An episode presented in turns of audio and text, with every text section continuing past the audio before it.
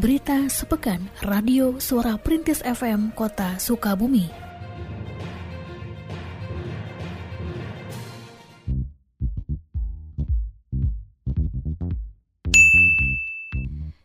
PT KAI akan segera melakukan penataan di area sekitar stasiun Sukabumi.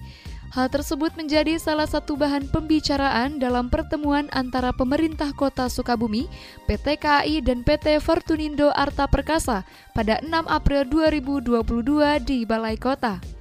Sementara Wali Kota Ahmad Fahmi menjelaskan perlunya kolaborasi dan komunikasi baik antara semua pihak terkait sehingga proses penataan bisa berjalan sesuai harapan.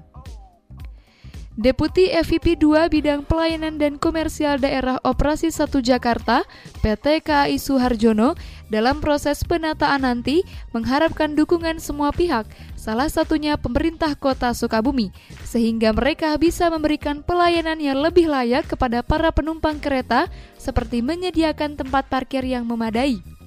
Ia menegaskan bahwa PT KAI memiliki sertifikat hak pakai sebagai landasan untuk melakukan penataan. Uh, kami mohon dukungan dari Pak Wali Kota. Kita bersama-sama sinergi antara BUMN dengan uh, Pemda untuk menata kawasan di stasiun Sukabumi. Karena uh, kami memiliki sertifikat uh, hak pakai, kemudian dimanfaatkan oleh pihak tiga, baik itu yang berizin maupun tidak berizin. Itu uh, kami akan tata ulang dan saat ini uh, nanti sinkronisasi antar desain yang sudah kami sedang kami lakukan ya. Nanti dengan desain dari Pemda kita sinergikan. Intinya kami ingin memberikan pelayanan kepada masyarakat pengguna jasa kereta api. Uh, setelah naik kereta api uh, keluar dari kereta api stasiun itu mendapatkan fasilitas parkir yang luas kemudian kemudahan untuk berpindah moda transportasi ke angkot atau ke apa ke Damri misalkan kalau ada Damri itu tidak lebih baik gitu. Gitu mbak. Dalam pertemuan tersebut dijelaskan pula rencana kereta Pangrango beroperasi pada pekan ini. Jadi eh, kami melaporkan ke Pak Wali terkait dengan rencana reaktivasi atau apa namanya operasional kembali KA Pangrango dari Bogor sampai Sukabumi. Ya ini masih dalam taraf uji coba. Mudah-mudahan dalam minggu ini sudah sudah selesai uji coba dan Allah nanti bisa segera kita operasionalkan. Uh, sementara belum ada perubahan, uh, kita mencoba untuk meningkatkan fasilitas pelayanan. Ya, uh, salah satunya adalah kita akan mencoba uh, waktu tempuhnya bisa dipercepat, ya, karena kondisi prasarannya sudah dibangun oleh pemerintah dalam hal ini oleh Balai uh, Jawa Barat uh, dengan penggantian material rel, kemudian double track, gitu ya, sehingga waktu tempuh yang awalnya dua jam lebih dari dua jam kita upayakan bisa kurang dari dua jam. Pihak Kelurahan Benteng membagikan sekitar 108 paket sembako bagi anak yatim piatu dan kaum disabilitas dalam kegiatan Gerakan Obral Kebaikan Ketagihan Berbagi untuk Sesama atau Gerobak Kaget. Lurah Benteng Trihastuti saat ditemui pada hari Kamis 7 April 2022 di kantornya menerangkan paket sembako tersebut akan disalurkan setiap hari Senin hingga Kamis. Selain paket sembako, Gerobak Kaget pun akan membagikan sekitar 400 paket makanan berbuka puasa bagi masyarakat yang disalurkan setiap hari Jumat. Adapun sumber dana kegiatan ini di antaranya berasal dari donasi para pegawai kelurahan dan warga. Lurah Benteng menerangkan, menjelang Hari Raya Idul Fitri, pihaknya juga akan memberikan bingkisan bagi para ustadz dan ustazah yang telah terlibat dalam program Maghrib Mengaji. Ia mengharapkan berbagai kegiatan tersebut dapat ditiru oleh kelurahan lainnya dalam menyebarkan kebaikan selama bulan Ramadan.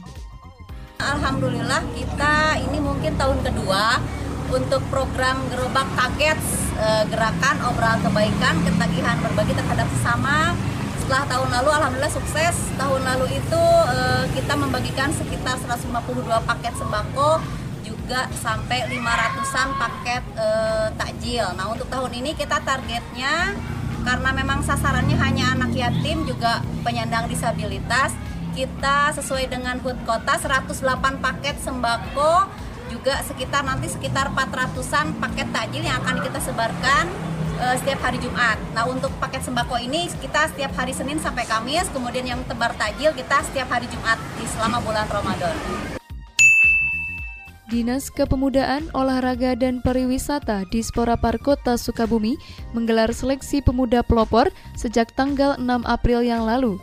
Kegiatan ini menurut Kepala Bidang Kepemudaan di Sporapar, Sulaiman, saat ditemui pada hari Jumat 8 April 2022 di kantornya, merupakan salah satu wujud dari program pengembangan kapasitas daya saing kepemudaan. Proses seleksi diawali dengan penilaian selama dua hari, dilanjutkan dengan survei lapangan yang dijadwalkan dilaksanakan pekan depan. Adapun total peserta seleksi adalah sebanyak 25 orang peserta dari lima bidang kepeloporan yaitu bidang pendidikan, agama sosial dan budaya, pengelolaan sumber daya alam, lingkungan dan pariwisata, serta inovasi dan teknologi. Dijelaskannya, hasil penilaian akan diumumkan pada acara puncak yang rencananya digelar pada 18 April mendatang, serta pemuda pelopor terpilih akan menjadi wakil dalam seleksi tingkat Jawa Barat. Kepala Bidang Kepemudaan di Sporapar Kota Sukabumi menjelaskan bahwa melalui kegiatan pemuda pelopor, seperti juga aspirasi yang disampaikan oleh para peserta seleksi, ke depannya diharapkan semakin banyak wadah kreativitas pemuda, seperti dengan adanya gedung kepemudaan, sehingga potensi pemuda dapat muncul secara optimal. Mereka berharap ada uh, apa wadah-wadah pengembangan pemuda. Saat ini eh, kita tahu bahwa kita masih kekurangan uh, terutama uh, dari sisi uh, kepemudaan. Yang mudah-mudahan ke depan kita juga memiliki uh, tempat atau gedung khusus untuk pengelolaan uh, berkaitan dengan kepemudaan. Yang terutama yang mereka memiliki uh, potensi-potensi memiliki inovasi-inovasi memiliki kreativitasnya yang bisa dikembangkan dan bermanfaat uh, untuk uh, masyarakat uh, Kota Sukabumi. Kota Sukabumi ditetapkan sebagai salah satu wilayah baru yang mendapatkan perhatian khusus pemerintah Jawa Barat dalam penanganan stunting. Hal ini terungkap dalam acara Road to Jabar Zero News Stunting yang diadakan di Bapeda Kota Sukabumi pada hari Jumat 8 April 2022. Hadir dalam acara tersebut, Wali Kota Ahmad Fahmi, Ditjen 2 Bangda Kemendagri Imam Al-Mutakin, perwakilan Bapeda Provinsi Jawa Barat, serta pemerintah Kabupaten Sukabumi. Wali Kota menyampaikan bahwa terdapat 10 kelurahan yang menjadi fokus dalam percepatan penurunan prevalensi stunting di Kota Sukabumi. Percepatan tersebut diperlukan karena saat ini persentase kasus stunting mencapai 19% persen dan dalam dua tahun harus diturunkan menjadi di bawah 14% persen sesuai dengan instruksi dari pemerintah pusat. Wali kota menambahkan bahwa ia merasa optimis target tersebut bisa dicapai asal didukung dengan kolaborasi berbagai pihak. Kota Sukabumi tahun ini ditetapkan sebagai salah satu lokus baru dari Provinsi Jawa Barat untuk 10 kelurahan dalam kerangka kita melakukan percepatan stunting yang sekarang masih 19,1 persen ya di wilayah Kota Sukabumi. Ya, tadi targetnya kan kita harus bisa mencapai 14 persen sebagaimana target yang telah ditetapkan oleh pemerintah pusat. Tersisa dua, dua tahun lagi, 2023 dan 2024 sebagai akhir dari target ini mudah-mudahan Sukabumi bisa mencapai 14 persen sebagaimana telah ditetapkan. Percepatan penanganan stunting ini dapat dilaksanakan di Kota Sukabumi di tengah berbagai dinamika yang ada. Tapi insya Allah kami, Bapeda, Dinas Kesehatan, Dinas Dalduk, ini optimis tahun 2024 kita bisa mencapai target 14 persen. Pemerintah Kota Sukabumi menepati peringkat dua instansi paling cepat menyelesaikan aduan yang disampaikan melalui ilapor di Jawa Barat pada tahun 2021. Hal tersebut terungkap dalam rapat evaluasi pengelolaan pengaduan SP4N Lapor pada hari Kamis 7 April 2022 di Gedung Sate Bandung. Pranata Humas pada bidang informasi dan komunikasi publik Dinas Komunikasi dan Informatika Diskominfo Kota Sukabumi, Dea Nur Kumala, sebagai koordinator layanan aduan super dan ilapor, menyatakan bahwa peringkat tersebut dapat dicapai karena beberapa upaya yang selalu dilakukan, seperti monitoring dan evaluasi secara berkala bersama para pejabat penghubung atau pengelola ilapor di setiap organisasi perangkat daerah atau OPD. Selain itu, komunikasi dan koordinasi dengan berbagai OPD dijalin intens setiap saat, memanfaatkan grup WhatsApp, sehingga tindak lanjut aduan yang disampaikan oleh masyarakat bisa terpantau langsung bahkan oleh pimpinan daerah. Uh, Oke, okay, jadi kinerja Elapor kemarin itu di Bandung kita menempati posisi kedua untuk instansi paling cepat menyelesaikan tindak lanjut itu se-Jawa Barat. Jadi kinerjanya adalah dalam standar operasional prosedur lapor kita harus menindaklanjuti di bawah tiga hari.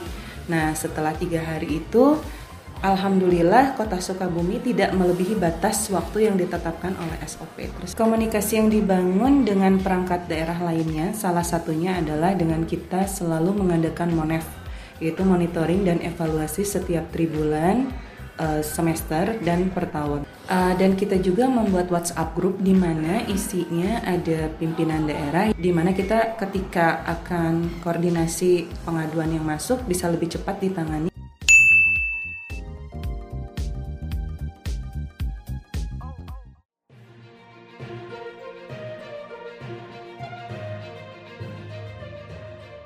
Berita sepekan Radio Suara Perintis FM Kota Sukabumi